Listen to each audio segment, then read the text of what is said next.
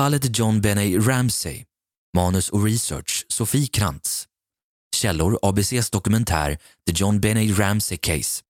True TV. Biography.com. Westworld.com.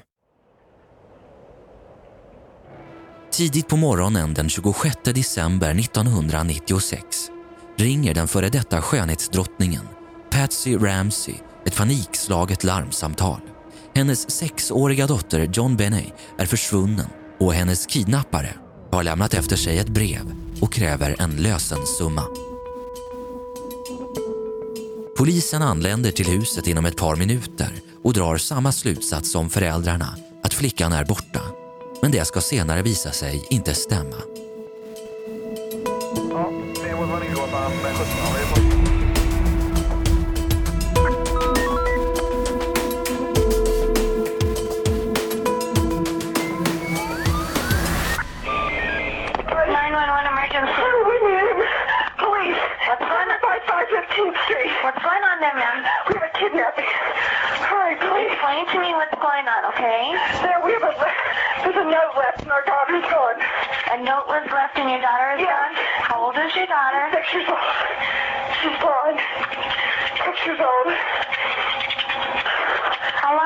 Was?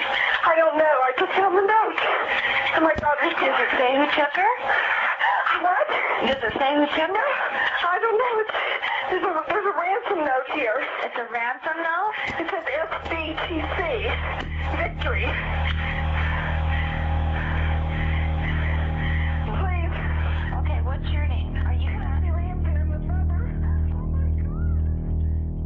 För lilla John Benney ska senare hittas i familjens källare.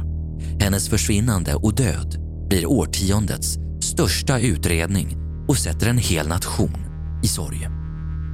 Idag tar vi upp ett fall som mestadels kommer handla om utredningen och efterspelet. Men även mycket av teorierna och spekulationerna som både media och andra har stått för. Familjen Ramsays uttalanden i media är översatta för att anpassa det svenska språket. I lösenbrevet står följande.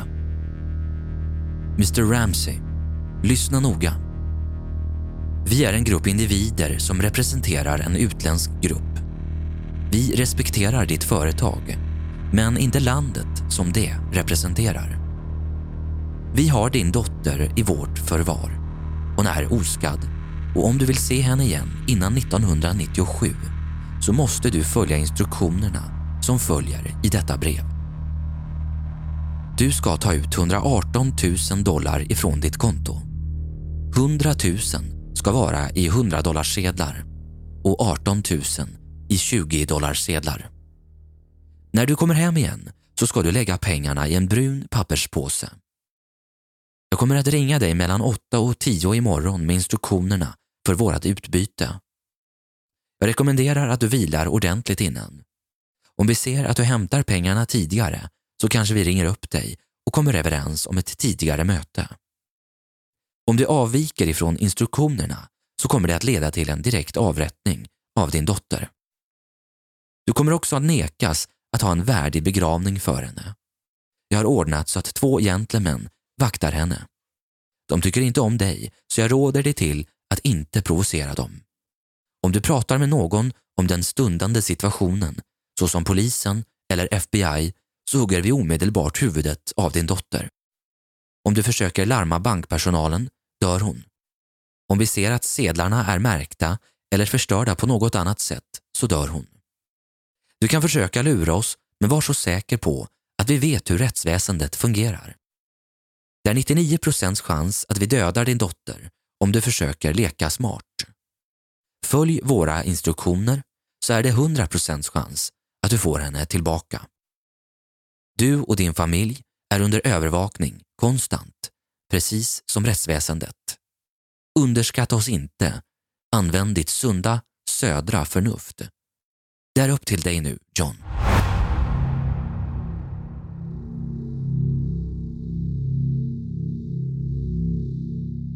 När den första patrullen med poliser anländer till huset i den lilla staden Boulder endast sju minuter efter mammans larmsamtal finns då mamma Patricia, pappa John och John Beneys nioåriga storebror Burke. Det är patrullkonstapeln Richard French som är först med att möta den förkrossade familjen i deras hem. Nu börjar sökandet efter John Benny och jakten på hennes kidnappare. En hel nation står i chock. Hur kan det hända i Boulder? Staden som lokalborna kallar för 25 square miles av en fantasivärld omringad av verkligheten. Patsy Ramsey var skönhetsdrottning och blev utsedd till både Miss West Virginia och Miss America Contender tidigare i sitt liv. Och dottern som ärvt hennes skönhet börjar vid fyra års ålder att följa sin mammas fotspår. Den vackra lilla flickan med det långa blonda håret och de blå ögonen hade redan vid sex års ålder vunnit flera tävlingar. John Benny föds i Atlanta, Georgia den 6 augusti 1990. Hon får sitt namn efter sin far, John Bennett, och hennes mamma Patsy Ramsey. Högt älskad och familjens lilla stjärna lever hon tillsammans med sina föräldrar och sin tre år äldre bror Burke i ett lyxigt hem med allt som kan tänkas för att en liten flicka ska vara lycklig. Familjen är mycket välbärgad. Pappan, en högt respekterad multimiljonärsaffärsman med sitt framgångsrika företag. Och mamman, både en före detta skönhetsdrottning och en högt uppsatt societetsdam och en så kallad Southern Belle. Patsy älskar att stå i rampljuset och anordnar stora events i den lilla staden. Innan John Bennett gifte sig med Patsy så var han gift med en annan kvinna som han skilde sig ifrån 1978. I det äktenskapet så fick han två döttrar som redan var vuxna. Men en av döttrarna dör 1992, endast 22 år gammal, i en tragisk bilolycka. Året därinnan flyttade John med sin nya familj från Atlanta till Boulder. Och den största anledningen var för att högkvarteret till hans företag Access Graphics låg där.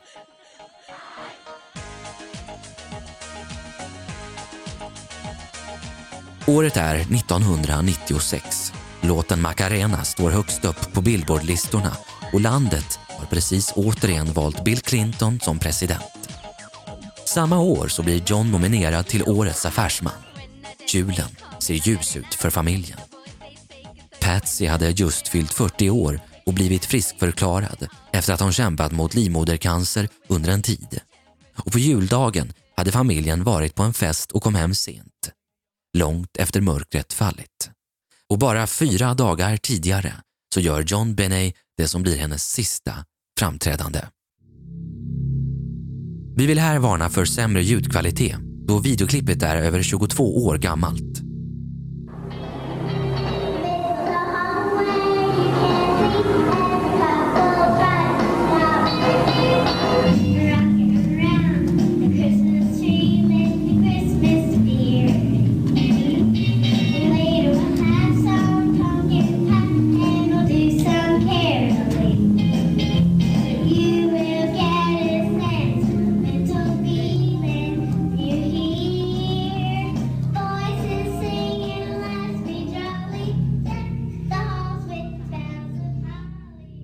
Patsy vaknar strax efter fem på morgonen den 26 december 1996. Hon går ner för trappan och får se att det ligger någonting längst ner. Det är ett brev. Så fort hon läst färdigt brevet så springer hon upp till dotterns rum och slänger upp dörren. Hennes värsta farhågor har besannats. Dottern är verkligen borta. Efter att Patsy ringt larmsamtalet så börjar hon ringa runt till grannar och vänner som omedelbart kommer till huset. Kort därefter strömmar flertalet människor ut och in och lösenbrevet som omedelbart borde tagits i beslag skickas runt för alla att läsa. Det är det värsta som kan hända i den här situationen. I vad som är en potentiell brottsplats så kan eventuella spår bli kontaminerade. Polisen som anländer till platsen gör också misstaget genom att inte ens spärra av platsen och skickar ut alla som befinner sig i huset. Det är bara ett av de första, ett utav många som polisen gör den där ödesdigra dagen. Den första utredaren som kommer till platsen och pratar med John ber honom titta runt i huset för att se om någonting annat är borta eller verkar konstigt. Börja på övervåningen och fortsätt sen ända ner till källaren. Samtidigt väntar man på att kidnapparna ska ringa. Men det samtalet skulle aldrig komma. Det har nu gått några timmar sedan familjen upptäckt att dottern blivit kidnappad. Men nu gör John någonting konstigt. Istället för att börja längst upp som man brukar göra så går han ner till källaren. Polisen har egentligen redan letat igenom huset men missat att öppna en av dörrarna. Första rummet i källaren som John går in i ska visa sig vara rätt.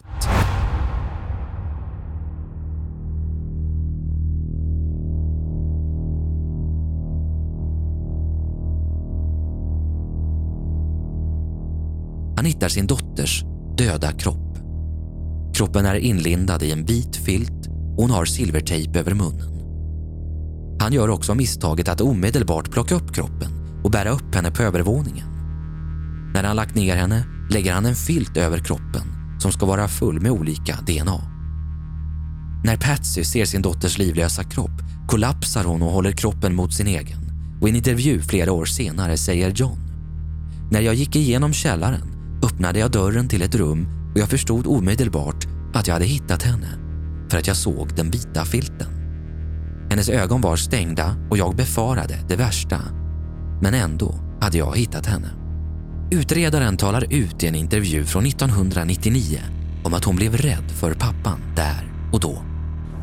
I know who killed Champagne. There's no doubt in my mind who killed Champagne. And until, while this investigation is still ongoing, I don't think it's appropriate that I, I say that name out loud. How did he strike you? Cordial. Cordial? Mm-hmm. Upset? Cordial. Distraught?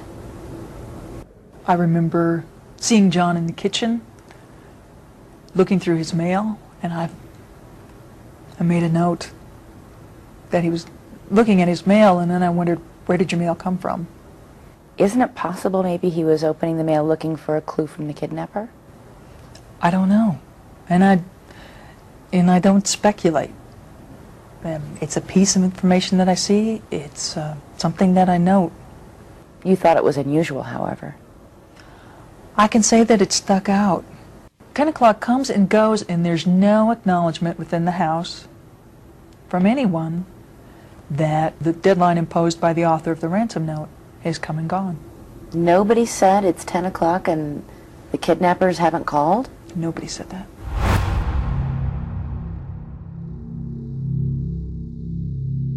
När John Benneys kropp hittas så har hon en skallfraktur. Någon har med stort våld slagit henne i huvudet och krossat hennes skallben. Men hon har också strypts med en så kallad garroté gjord av nylontråd. Obduktionen visar att det finns vissa tecken på sexuella övergrepp. Ingen sperma hittas, men viss skada finns och man hittar också spår av att flickans underliv torkats med rengöringswipes. Obduktionen visar också att John Benneys mage innehöll ananas och på bilderna som togs i huset samma dag som kroppen hittades står en skål med ananas på ett bord. Föräldrarna nekar dock till att dottern fått något sånt. Storebror Burkes fingeravtryck hittas även på skålen. Man tror att hon har dött mellan 10 på kvällen den 25 december och 6 på morgonen den 26.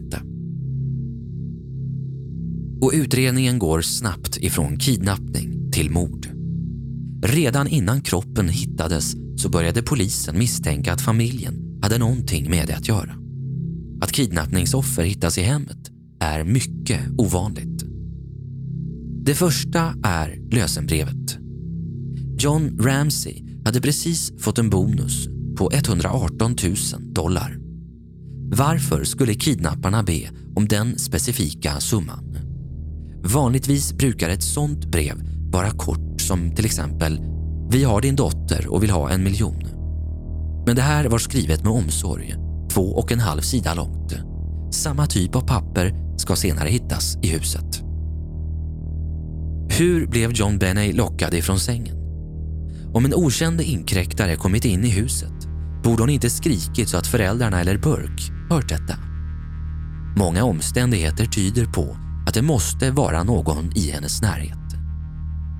Föräldrarnas beteende blir ännu mer uppseendeväckande när John ringer sin pilot kort efter att kroppen hittats och lämnar lilla Boulder och flyger till Atlanta. Men det påståendet ska dock senare visa sig vara falskt. Jetplanet tillhörde ett företag som tidigare samarbetat med Johns och de hörde om familjens sorg och erbjöd sina tjänster, inte tvärtom. Tre dagar efter att kroppen hittades så hålls en minnesstund för John Benney i Boulder och på nyårsafton äger begravningen rum i familjens kyrka i Atlanta. Journalister ifrån varenda tidning står utanför och man får kämpa hårt för att hålla dem borta. Dagen efter ställer John och Patsy upp på en intervju för CNN där Patsy håller upp en bild på sin dotter och säger “Det går en mördare lös. Jag vet inte om det är en hon eller en han, men alla invånare i Boulder borde säga till familj och vänner att hålla hårt i sina barn.” Kanalen vinklar intervjun som att makarna hellre pratar med pressen än med polisen. Nästa dag gör borgmästare Leslie Dugan ett uttalande och dementerar Patsys påstående. Invånarna i Boulder har ingen anledning att vara rädda att det går runt en mördare som letar efter små barn som sitt nästa offer. Staden är säker och kommer att fortsätta vara lika säker som den alltid har varit. Leslie ska senare i en intervju förklara att anledningen till att hon gjorde uttalandet var för att informationen hon hade vid tidpunkten var att det inte gick en galen mördare lös i samhället och för att barn inte skulle gå runt och vara rädda. Hon får frågan om vart hon fått den informationen och svarar ifrån polischefen. Ja, teorierna är många och Patsy och John skaffar genast omgående efter mordet en advokat. De går med på att lämna DNA men vägrar till en början att förhöras. Alla runt omkring familjen utreds. Alla ifrån familjevänner till städerska. Allt för att utesluta möjliga gärningsmän. Till och med John Benneys storebror Burke förhörs av en barnpsykolog. Videon på förhöret var inte känd för allmänheten förrän 2017 då Burke ställde upp och var med i Dr. Phil. Did you hit your sister over the head with a baseball bat or a flashlight? Absolutely not. Burke says he stayed in bed for hours as dozens of investigators and loved ones swarmed the house. Critics would say you weren't curious because you already knew. He didn't have to get up and go check because he knew exactly what had happened. I mean, I didn't know if there's some bad guy downstairs and my dad was chasing off with a gun. Everyone looks at the interview of Burke and thinks, why is this young man smiling? I don't see a smile as much as I see an uncomfortable facial expression. But I don't see that as smile, happy smile. I see that as uncomfortable guy. ABC's chief legal analyst Dan Abrams spent years covering the saga. Burke Ramsey's been one of the most sought after interviews by every news and tabloid organization out there because back at the time, people were saying, oh, maybe Burke did it, or what does Burke know? At the time, the incessant media attention smothered the family under a cloud of suspicion. Then nine year old Burke was not immune. Years later, John Ramsey, John Bonet, and Burke's father told me that they were simply trying to protect their nine year old from the media onslaught. There was one day when he and Patsy managed to escape the paparazzi mm. and they made it to a grocery store and there mm. was a headline that Burke Brother did it. and he burst into tears. Yeah, well, what but- was his reaction? Well, Burke's a very quiet, uh, private person. We tried very hard to keep Burke's life normal, and that just was like a huge interruption to that. The mystery began the morning after Christmas 20 years ago with a horrifying ransom note left in the Ramsey home demanding $118,000 in exchange for the safe return of their little girl. Månaderna går och makarna har fortfarande inte ställt upp på ett ordentligt förhör. Genom deras advokater så säger de att de inte vill komma in för att de inte vet vad för slags frågor som polisen kommer att ställa. Däremot så har Patsy, John och till och med Burkes handstil testats. John och Burke utesluts omgående. Men inte Patsy. Det är först efter en mer noggrann analysering som även hon utesluts. Under tiden fortgår utredningen och varje vecka så kommer det ut nya spekulationer i pressen. Teorier om att John skulle vara pedofil eller att Patsy tappat tålamodet och råkat mörda sin dotter. Ett av påståendena som tidningarna kommer med är att man under brottsplatsundersökningen hittat pornografiskt material i huset. Ja, löpsedlarna, de blir större och större. 1999 så vill Colorado Grand Jury åtala föräldrarna för två fall, vardera av barnmisshandel. Man skriver att de medvetet och vårdslöst försatt flickan i en sån situation som hotade att skada hennes liv och hälsa. Men senare samma år kallar distriktsåklagaren till presskonferens och säger att han inte kommer att skriva under åtalet för att det saknas konkreta bevis. Han säger till och med att bevisen är otillräckliga för att åtala någon överhuvudtaget. Under tiden som alla rättsprocesser pågår så gör Patsy och John det något olägliga beslutet att gå ut med att de skrivit på kontrakt för ett bokförlag. Deras förklaring är helt enkelt att det var dags för dem att släppa en bok.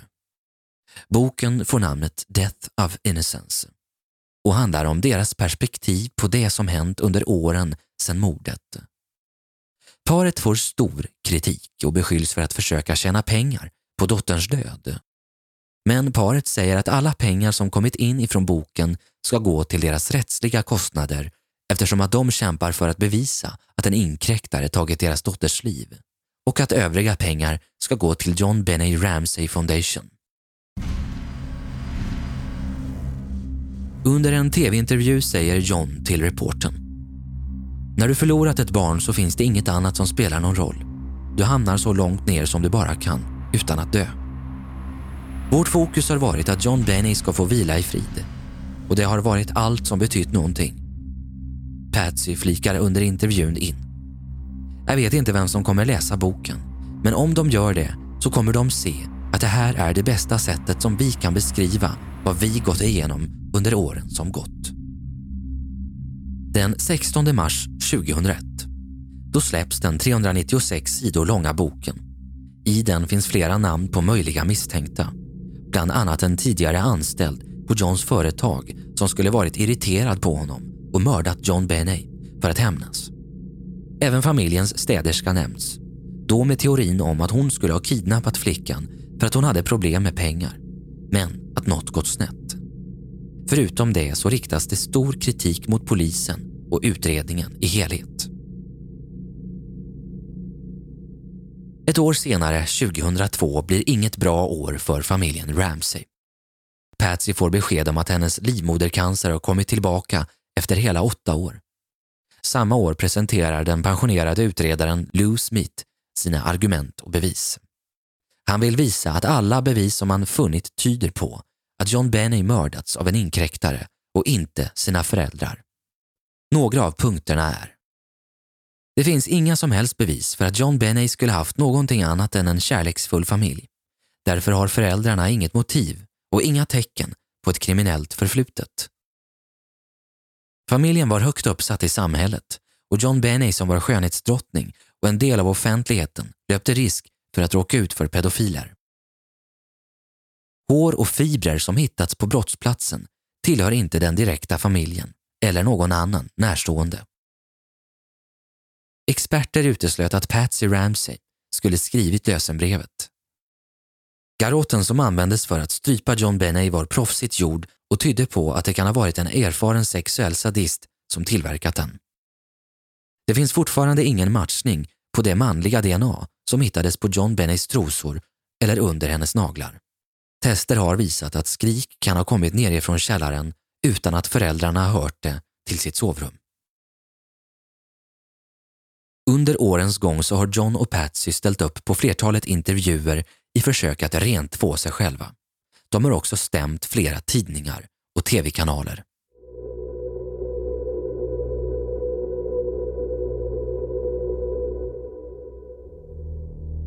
Teorierna om fallet. Makarna Ramsey har hela tiden sagt att storebror Burke låg och sov från kvällen innan och under tiden som Patsy hittade lösenbrevet och fortsatte göra det flera timmar efter att de första poliserna anlänt till platsen. Men polisen tror att Burke kan ha varit den som dödat sin syster. Hon stod konstant i rampljuset medan han hamnade lite i skymundan. På julafton ska John Benney även ha fått en cykel av föräldrarna som Burke blivit avundsjuk på. Man tror att föräldrarna därefter har gjort allt för att skydda sin son. Skrivit ett falskt lösenbrev och placerat John Bennys kropp i källaren för att få det att se ut som ett mord. Men sen finns det också flera saker som pekar emot att det skulle vara någon annan. Bland annat skospåret. Och flera år senare, när man kommit längre fram med DNA-tekniken, så testar man ett hårstrå som finns på John Benneys trosor. Det visar sig vara ett pubishår från en man och stämmer inte överens med någon av de 400 topsningar som gjorts och så sent som oktober 2016 så hittar man ytterligare ett DNA. Brottsplatsundersökningen visade också att det fanns flera fönster och minst en dörr som en eventuell inkräktare tagit sig in i. Och först en tid senare så upptäcker man ett trasigt fönster i källaren. Även glassplitter runt omkring. John Benny hade märken på sin kropp som kan ha kommit ifrån en elpistol. Teorin blir då att den eventuella inkräktaren, som kan ha varit okänd för John Benny, använt den för att locka ut henne ur sitt rum. Och det hade definitivt inte varit omöjligt för en inkräktare att ta sig in. I större delen av huset så var golvet täckt med heltäckningsmatta. Därför hade denne kunnat röra sig utan att göra mycket ljud ifrån sig. Gärningsmannen hade kunnat ta sig in via källaren, lagt brevet i spiraltrappan och tagit John Benny ifrån hennes rum som låg en trappa ner ifrån föräldrarnas. Tidigt i utredningen så börjar man misstänka familjens granne Bill McReynolds som hade agerat tomte åt Ramses och därför hade haft en nära kontakt med John Benny. Men han kunde senare avfärdas ifrån utredningen. Strax efter mordet så begår en man vid namn Michael Helgott självmord, 26 år gammal. Han bodde också nära familjen och efter hans död så finner man ett par skor som sägs ska ha matchat det avtryck som man hittat. Det här är dock någonting som utredarna har dementerat. Han ägde även en elpistol och enligt CNN har man också hittat en keps med initialerna SBTC, alltså samma bokstäver som undertecknades i lösenbrevet. Men eftersom mannen är död så verkar det som att man aldrig kommer att få veta om det var han som mördade flickan. Den 9 juli 2008 så gör Boulders distriktsåklagarkontor ett uttalande att ingen i familjen längre är misstänkt för att ha dödat John Benney. Tyvärr så får Patsy aldrig uppleva att hon blivit rentvådd. Inte heller att någon annan blivit dömd för mordet. Hon avlider den 24 juni 2006 i sviterna av livmodercancer. Hon tar sitt sista andetag i sin faders hus i Atlanta. Hon begravs bredvid sin dotter på St. James Episcopal Cemetery i Georgia. Kort efter Patsys död så gör en 41-årig mellanstadielärare vid namn John Carr ett erkännande. Han grips i Thailands huvudstad Bangkok den 15 augusti 2006. Han påstod att han hade drogat, antastat och råkat döda henne. Men även att han skulle ha plockat upp henne ifrån skolan, vilket är helt felaktigt eftersom att det var jullov när hon mördades. Han avfärdas snabbt när polisen inser att uppgifterna som John uppgivit enbart är lös fakta blandat med falska påståenden. Du har lyssnat på en del av utredningen och teorierna som kretsar kring John Bennys Ramsays död. Om någon någonsin kommer att gripas för mordet återstår att se. Men fram till denna dag är fallet olöst. Du har lyssnat på mig, Sebastian Krantz, i podden Svenska mordhistorier.